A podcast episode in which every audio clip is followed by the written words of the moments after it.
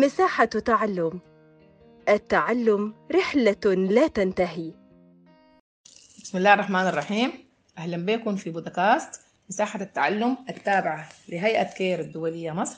معاكم الأستاذة منار الخواط معلمة التاريخ المرحلة الثانوية المنهج السوداني. آه الليلة أول يوم حنتكلم في الدرس الأول في الوحدة الأولى للصف الثاني الثانوي بعنوان الغزو التركي المصري للسودان ومقاومة السودانيين للغزو والحكم من 1820 ل 1822 دارين نعرف أسباب غزو محمد علي باشا للسودان. أول أسباب الغزو أن محمد علي أراد تكوين جيش قوي يدافع به عن مصر أمام أطماع الدول الأوروبية وليقوي مركزه داخليا كما كان يريد لهذا الجيش أن يتدرب على الطرق الحديثة وأن يستعمل الأسلحة المستحدثة. وبهذا الجيش أيضا أراد محمد علي أن يحقق أحلامه في بناء إمبراطورية على أنغاض الإمبراطورية العثمانية المتدهورة.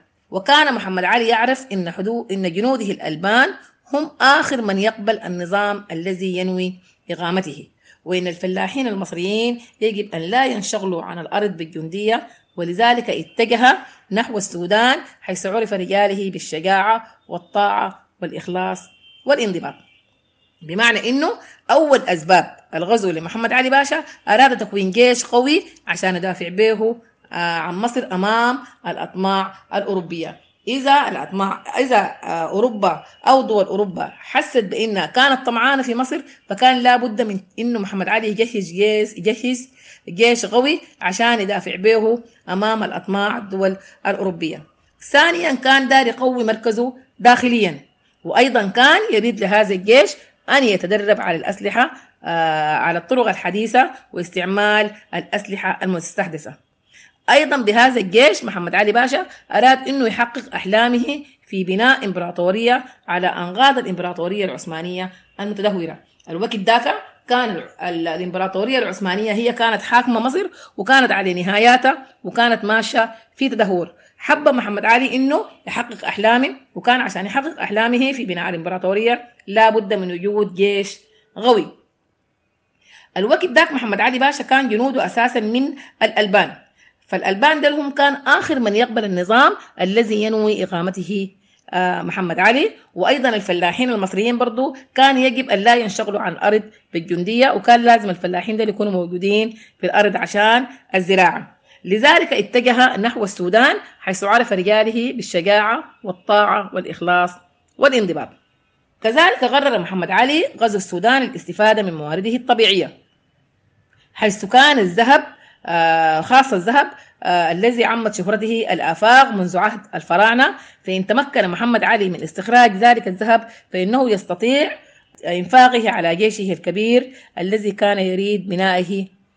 يبقى إنه محمد علي باشا فتح السودان أو غزا السودان. السبب الأول كان الموارد البشرية وهي المتكونة في الرجال الأشداء الأشجاع الرجال الأشداء الشجعان المعروفين بالطاعة والإخلاص.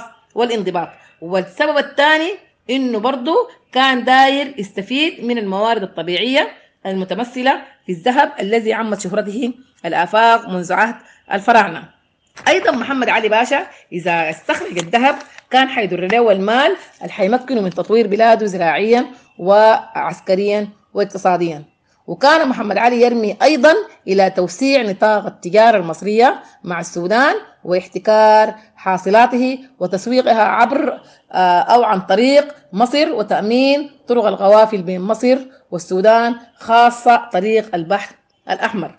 المعنى إنه محمد علي باشا أراد فتح السودان أول حاجة عشان يستقل الموارد البشرية المتمثلة في الرجال الأشداء واستغلال للموارد أو الاستفادة من الموارد الطبيعية المتمثلة في الذهب وإنه في استخراج الذهب حيرد له مال حيمكنه من تطوير بلاده زراعيا وعسكريا واقتصاديا. وأيضا كان يرمي إلى توسيع نطاق التجارة المصرية مع السودان واحتكار الحاصلات وتسويقها عن طريق مصر أيضا من أسباب الغزو الاضطراب السياسي الأمني الذي سببه وجود المماليك في الحدود الجنوبية آه، لمصر المتآخمة لحدود السودان آنذاك وكان المماليك قد فروا من مصر إلى شمال السودان بعد المجزرة التي أعدها لهم محمد علي في منطقة القلعة.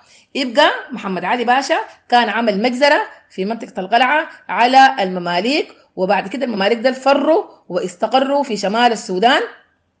وأنشأوا مملكة لهم بالقرب من منطقة الشاقية لكن الباشا آه، خاف إنه يفرض سيطرتهم على السودان ويهددوا بها مصر عشان كده أراد تأمين الحدود مصر الجنوبية من خطرهم. طيب برضو لاحظ محمد علي آه، إن مصر تعتمد في حياتها وازدهارها على النيل فقد أراد الاستيلاء على كل وادي النيل. طالما هددت الحبشة أثيوبيا مصر والسودان في القرن الثامن عشر بتحويل مجرى النيل.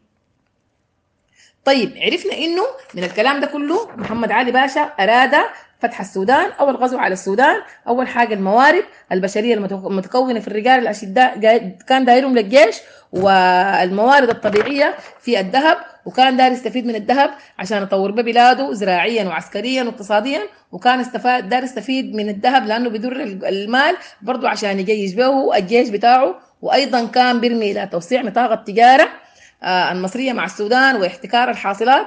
وقلنا من أسبابه برضو أسباب الغزو قلنا الاضطراب السياسي الأمني الذي سببه وجود المماليك.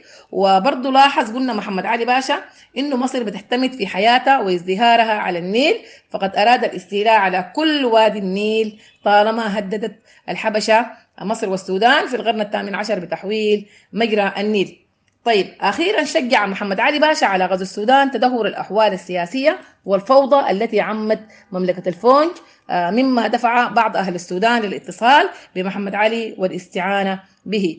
كان الوقت ذاك في فوضى كبيرة جدا في السودان اللي هي عمت مملكة الفونج اللي هي كانت آخر آه، حكومة في السودان اللي هي كانت مملكة الفونج وكانت على نهاياتها. وكان في فوضى في السودان. عشان كده اتصل مجموعة من السودانيين بمحمد علي باشا للاستعانة بالاستعانة به.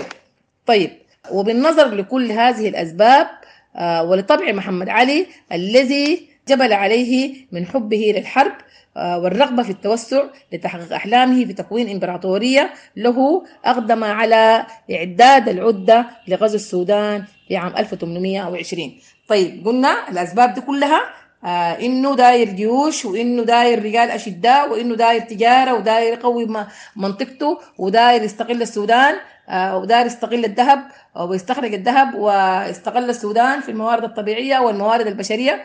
وقلنا إنه برضه لاحظ محمد علي إنه بتعتمد مصر عليه.